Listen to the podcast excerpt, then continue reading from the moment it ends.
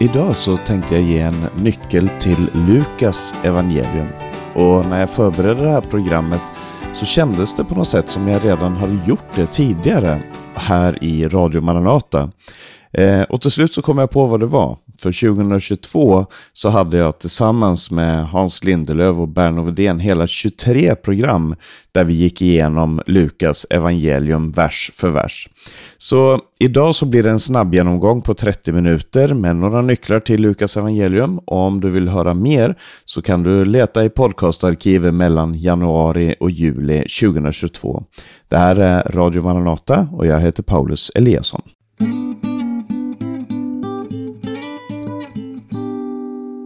Lukas evangelium det är den tredje boken i Nya Testamentet. Det består av 24 kapitel, är eh, så att säga den längsta eh, boken i Nya Testamentet, är det längsta av evangelierna. Eh, tar ungefär två och en halv timme att läsa igenom. Och Lukas handlar om Jesu liv från ett år innan han föddes fram till dess att han for till himmelen. Och den är skriven som en antik biografi. Eh, vi kallar det för Lukas evangelium trots att författarens namn inte anges eh, och Lukas nämns inte i det här evangeliet. Men väldigt tidig tradition säger att det var Lukas, han som var läkare och följeslagare till aposteln Paulus, som skrev det här evangeliet. Det finns inga konkurrerande teorier, förutom att författaren är okänd.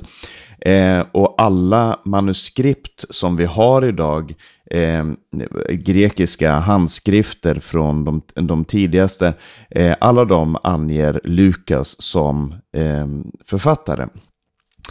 Och när skrevs det här? Ja, Lukas och apostlagärningarna är ju skrivna som en slags enhet. Ehm, och apostlagärningarna slutar runt år 60 till 62 efter Kristus. Det är då som eh, det, är det sista han skriver om. Och eftersom apostlagärningarna slutar så pass abrupt så verkar det som att det Ehm, det är ungefär då som Lukas skriver det här, alltså att han skriver lite grann fram till dagens datum.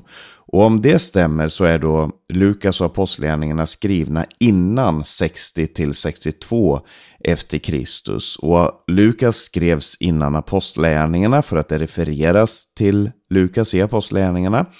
Ehm, så Kanske någon gång i slutet på 50, början på 60-talet. Nu ska det sägas att det, det är en ganska eh, tidig eh, datering av apostlagärningarna. Eh, inom modern bibelforskning, sekulär bibelforskning, så tänker man ofta att den är skriven efter år 70.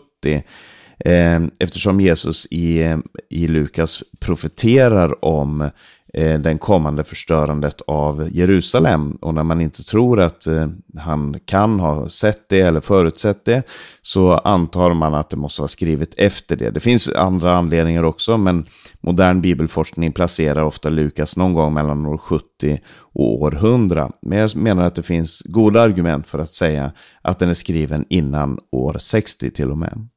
Eh, och det här, den är ju skriven då under en tid, oavsett om man sätter den år 60 eller år 100, eh, så den är skriven under en tid då man lade märke till att de första apostlarna, de som kände Jesus, de som vandrade med honom och de, som, de andra som var ögonvittnen till det som hände, de eh, började dö ut. De började, ja, de, de dog helt enkelt, de var väldigt gamla. Och um, det var många som blev frälsta i den kristna rörelsen men som bara hade hört evangeliet återberättat. Ehm, och i den eh, kontexten då så skriver Lukas det här till Teofilus. Han, han nämner Teofilus både i Lukas och i eh, Apostlagärningarna helt i början. Och Teofilus, det kan vara en omskrivning för alla kristna. Teofilus betyder Guds vän eller den som älskar Gud. Men troligen så handlar det här faktiskt om en person. Det kan ha varit en ganska nyfrälst person och antagligen en ganska rik person som blev en slags, eh, eh, som bekostade eh, kostnaden att forska och att skriva det som Lukas skrev i Lukas och Apostlagärningarna.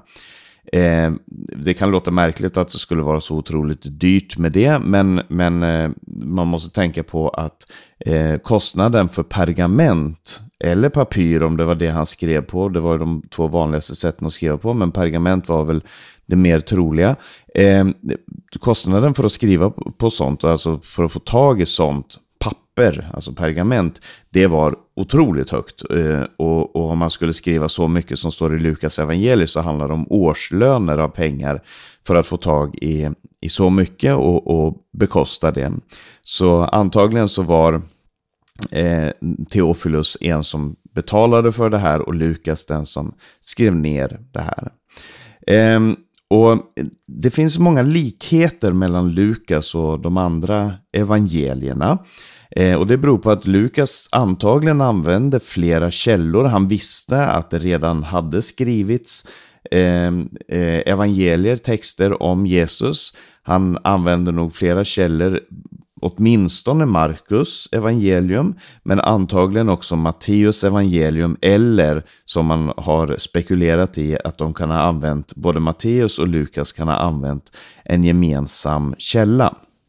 Så man kan säga att procentmässigt så har, när man läser Lukas, så har Lukas ungefär 40% av sitt material gemensamt med Markus. Ungefär 20% av materialet har han gemensamt med Matteus och cirka 35% av materialet är unikt för Lukas.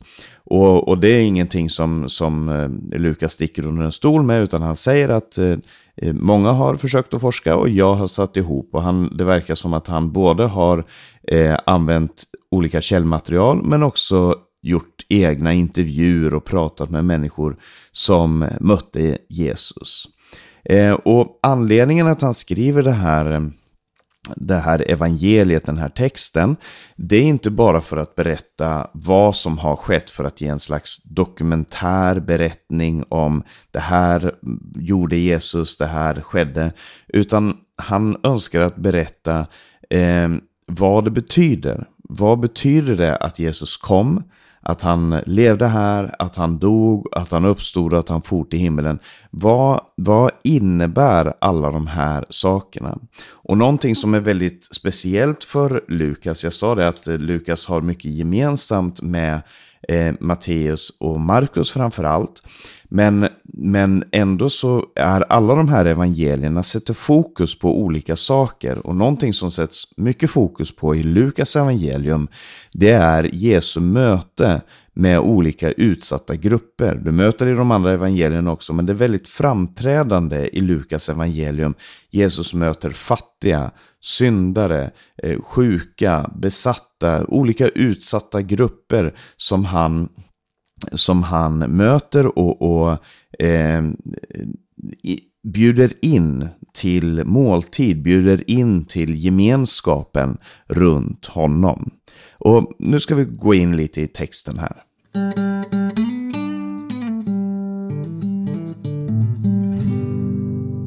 De första två kapitlerna i Lukas evangelium är en slags introduktion. Eh, det handlar om tiden innan Jesus blev född och det börjar med mötet som ärkeängeln Gabriel har med eh, Sakarias, prästen Sakarias, han som blev far till Ehm, till Johannes döparen tillsammans med sin hustru Elisabet. De som var två gamla män, eh, två gamla män, en gammal man och en gammal kvinna som, som fick eh, ett barn. Och det här barnet är då Johannes döparen. Och en nära släkting till Elisabet, Johannes mor, var också Maria. Som, som bodde uppe i Nasaret tillsammans med, eller hon var trolovad med Josef, Eh, snickaren Josef. Och eh, hon får då också ett besök av, eh, av Gabriel, ängeln, som berättar att hon ska bli havande och föda en son. Och så går vi lite framåt i berättelsen så, så föds Jesus i ett stall i Betlehem dit de har dragit för att skattskrivas. Eh, och hela den här inledningen då både då Eh, Sakarias får det här budskapet, då eh, Maria och Elisabet möter varandra. Eh, senare då Jesus blir född och han förs till templet där han får möter Simeon, den gamle Simeon och profetissan Hanna. I alla de berättelserna så, så är det, knyts det väldigt mycket an till gamla testamentets hopp som Jesus har kommit för att uppfylla. Både Johannes och Jesus är uppfyllandet av profetior och en förväntan som fanns i det här landet. Det handlar, första kapitlen där handlar väldigt mycket om Israels hopp. Så kommer man till eh, den andra delen, ska vi säga kapitel 3 till kapitel 9, som handlar om Jesu tjänst, Jesu början av Jesu arbete. Vi vet att Jesus, och det vet vi från Lukas evangelium, började sitt arbete när han var runt 30 år. Eh, och han verkade enligt de bästa eh, analyserna man har kunnat göra utifrån evangelietexterna, även om det inte står rätt ut, är att han verkade under ungefär tre år, kanske något kortare, men ungefär tre år. Och eh, Jesus, han, eh, det börjar med att han blir döpt av Johannes döparen och den heliga ande sänker sig ner över honom och fadern ifrån himmelen säger denna är min älskade son, i honom har jag funnit mitt behag. Så anden kommer över Jesus och framförallt till att börja med i evangelierna så ser vi väldigt tydligt att eh, att Jesus, eh, eh, att Jesus drivs av den heliga ande. Han drivs av anden ut i öknen. Han talar om att anden är verksam i hans, eh, i hans liv. Han talar om att eh, den heliga ande är över honom eh, i eh, den här berättelsen när han kommer till Nasaret och predikar i synagogan där så säger han, citerar ifrån Jesaja och säger den heliga ande är över mig och han har smort mig till att förkunna. Och så ger han en programförklaring där han berättar att just att hans fokus handlar om de människor som är förtryckta, de fattiga, de blinda, de, de eh, utsatta i det här samhället. Så Jesus, som sagt, han, det börjar med att han frestas av djävulen efter hans dop. När han har stått igenom den frestelsen så börjar han sin tjänst i Nasaret där han blir bortvisad på många sätt och vis. Han, han, de försöker till och med döda honom. Eh, men, men eh, Jesus går vidare, han kommer till Kapernaum som ligger bara, ja inte väldigt långt bort ifrån Nasaret. Eh, där han, som han har som utgångspunkt för sin tjänst i Galileen i norra Israel. Och här i början av, eh, av evangelierna så möter vi många historier om vad Jesus gör. Han eh, helar de sjuka, han, eh, han hjälper de skadade, de besatta besatta, de som är besatta av orena andar eller som på grund av sin sjukdom var rituellt orena, de oönskade som, som publikanerna, alltså skatteindrivarna, de syndarna som de prostituerade och så vidare. Eh, de, alla de här människorna möter han, han, han eh, eh, hjälper dem, han helar dem, han bjuder in dem till gemenskapen eh, och, och visar på så sätt vad Guds rike handlar om. Så kommer vi fram till det som kallas för slättpredikan. I Matteus evangelium så har vi en kanske lite mer välkänd och eh, eh, mer använd eh, predikan, som, den som kallas för eh, bergspredikan. Men i, ehm, i Lukas evangelium så finns det en väldigt liknande, om än lite kortare. Den verkar som att den är mer sammanfattad eh, än det som står i Matteus som har fem, sex, kapitel 5, 6 och 7. Men i Lukas kapitel 6 så, så möter vi en liknande predikan som Jesus hade. Det är ganska logiskt att tänka sig att Jesus hade liknande predikningar på olika ställen beroende på vilka han mötte, vilken situation han talade till och så vidare. Eh, men, men här i, i det som kallas för slättpredikan i Lukas kapitel 6 så säger han det här, saliga ni som hungrar nu för ni ska bli mättade, saliga ni som gråter nu för ni ska skratta. Och än en gång så fokuserar han på de utsatta grupperna och så säger han, ve er ni som är rika, ve er ni som är mätta nu, ve er när alla människor talar väl om er. Och det visar verkligen att Jesus är eh, de utsattas vän och de utsattas försvarare eh, och frälsare. Han talar om att älska sina fiender, han talar om att göra gott mot dem som eh, gör ont mot oss, att be för dem som eh, förbannar oss, att eh, välsigna, att älska, eh, att vända den andra kinden till, de här välkända formuleringarna som, som finns i Lukas och som vi också finner paralleller till i Matteus evangelium. Ehm, eh, och någonting som Jesus säger här också, en välkänd berättelse, det är den här, de här två männen som skulle bygga sitt hus. Och Jesus säger att den som lyssnar på mina ord och handlar efter dem, han är som en man som byggde ett hus och grävde djupt och la grunden på klippan. Så att när översvämningarna kom, när stormarna kom och vräkte mot huset så kunde det inte rubba huset. Eh, kontra då den här mannen som inte gräver djupt till klippan och när stormen kommer så förstörs huset. Och i grund och botten så är det här mycket vad Jesu eh, eh uppdrag handlar om. Han, han talar, eh, han kommer med sitt budskap och han säger om ni vill lyssna, om ni vill följa det här budskapet så kommer ni att bestå. Det här är vägen vidare. Men det visar sig senare att folket och framförallt då de som leder folket vill inte föra eh, Israel på den här vägen.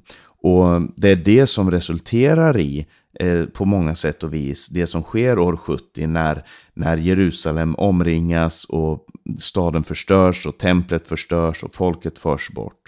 Eh, men Jesus han ser det här vart hän det bär och därför så är han på väg mot Jerusalem. Eh, I Lukas kapitel 9 Jesus har fått ganska mycket motstånd ifrån de olika religiösa ledarna och det har varit mycket ambivalens. Folk vet inte riktigt vad, vad ska de tro på, vad ska de inte tro på. Och redan i kapitel 9 så säger Jesus någonting som är väldigt viktigt. I den 22 versen så står det han sa, Människosonen måste lida mycket och bli förkastad av de äldste och översteprästerna och de skriftlärde. Han måste bli dödad och på tredje dagen uppväckt igen. Och så, så här sker det någonting eh, som, som eh, ja, Jesus förklarar för sina lärjungar att någonting har hänt som har gjort att han måste gå den här vägen nu.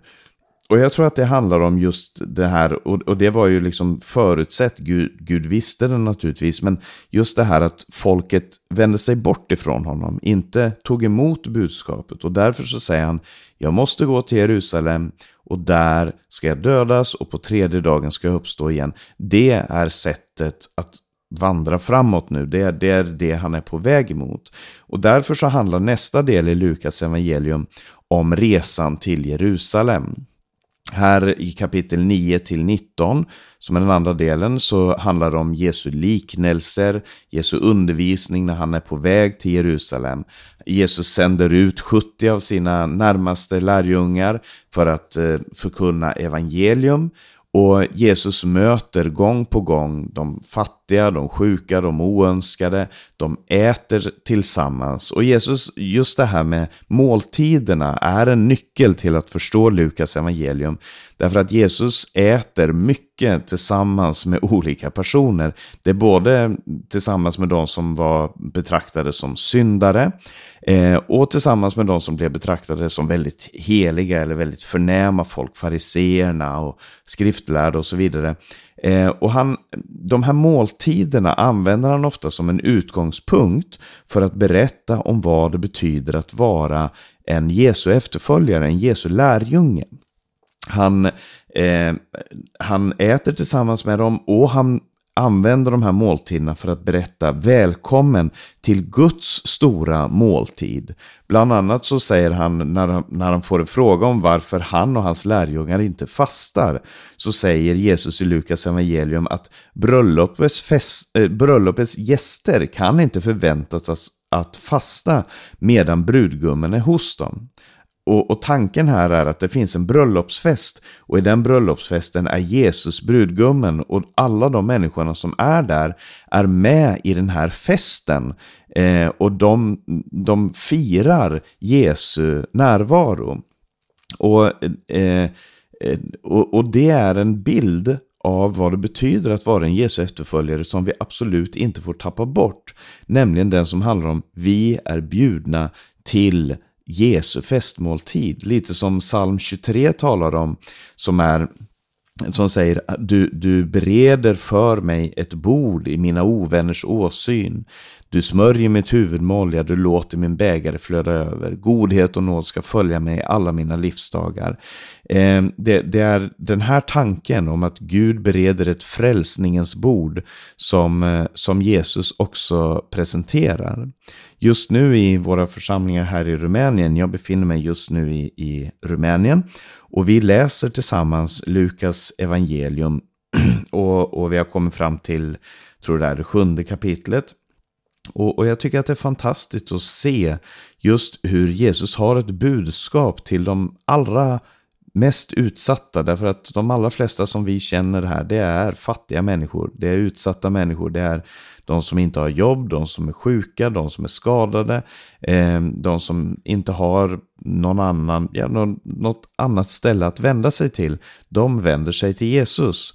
Och, och det har vi fått uppleva att det, det är där gemenskap med Jesus som de får, får se vad Jesus är.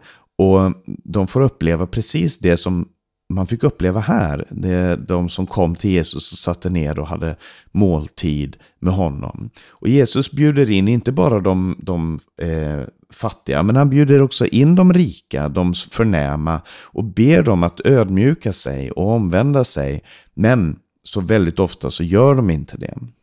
Och från den andra delen av det 19 kapitlet, den senare delen av 19 kapitlet till det 24 kapitlet så handlar det om Jesus när han kommer till Jerusalem, när han dör och uppstår igen.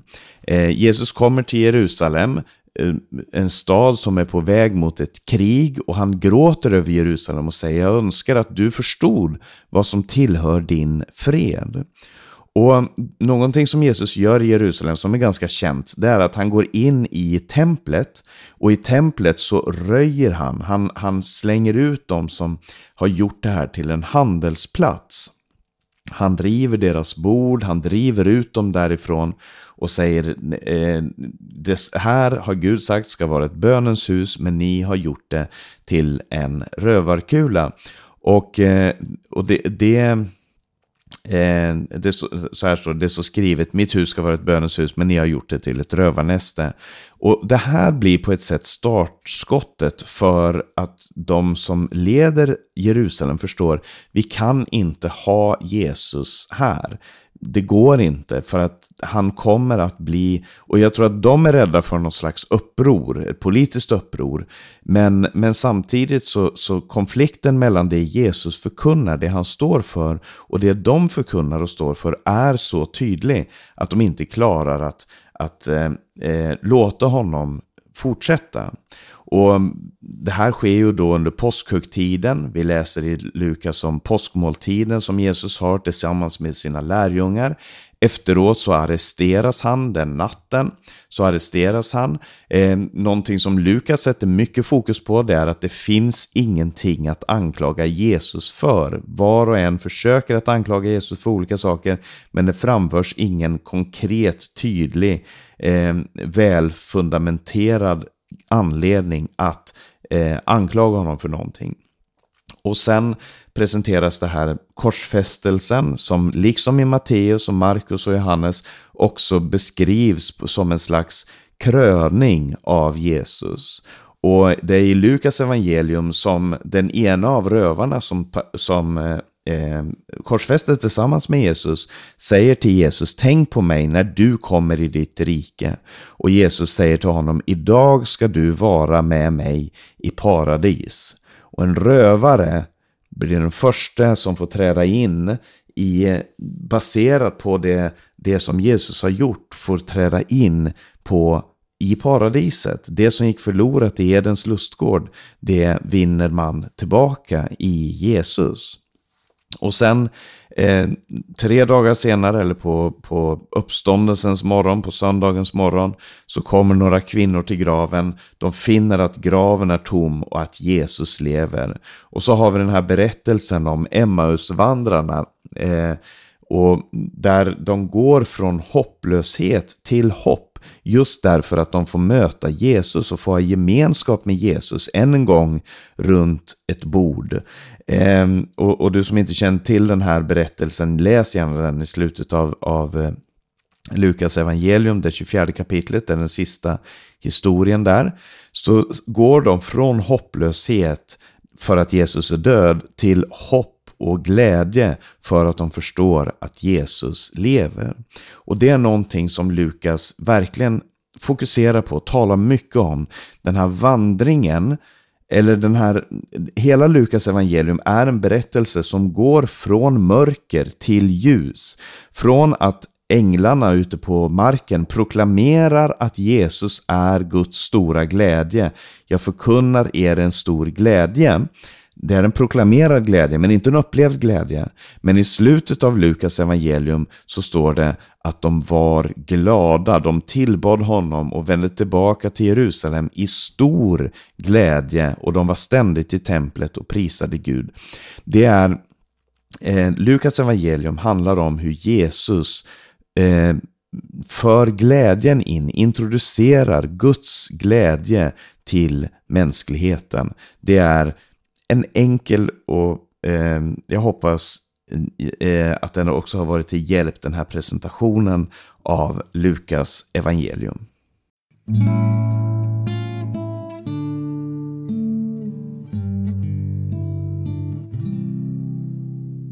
Vi ska alldeles strax lyssna på en sång och det är sången Han som fört mig ut. En inspelning ifrån början av 80-talet tror jag.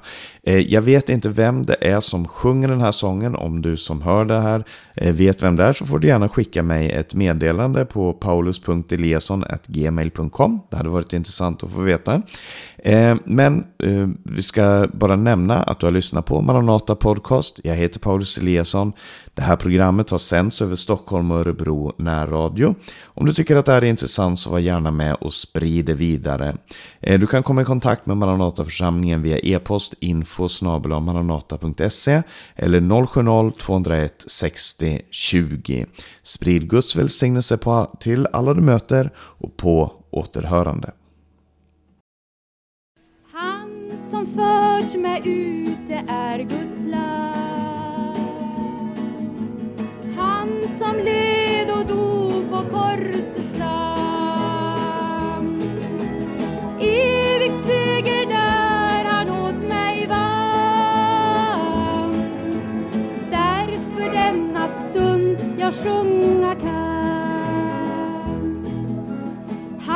har fört mig ut ur träldomshuset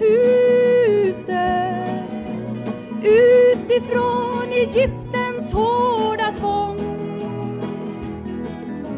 Nu jag vandrar hem i himlaljuset sjunger pris Gud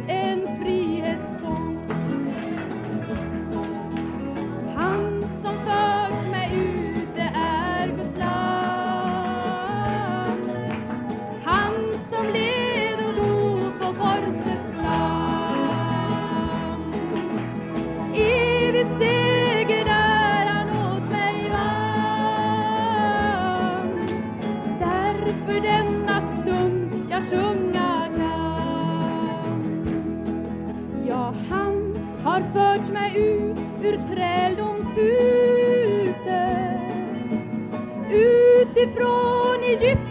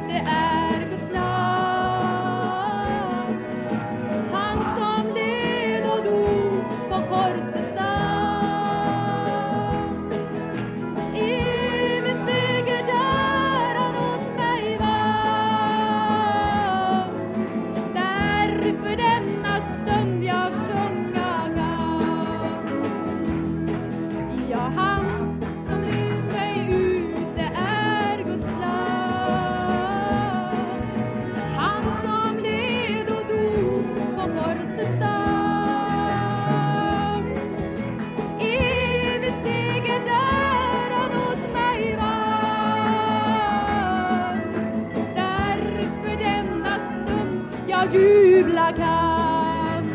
Tack Jesus, han har fört mig ut ur träldomshus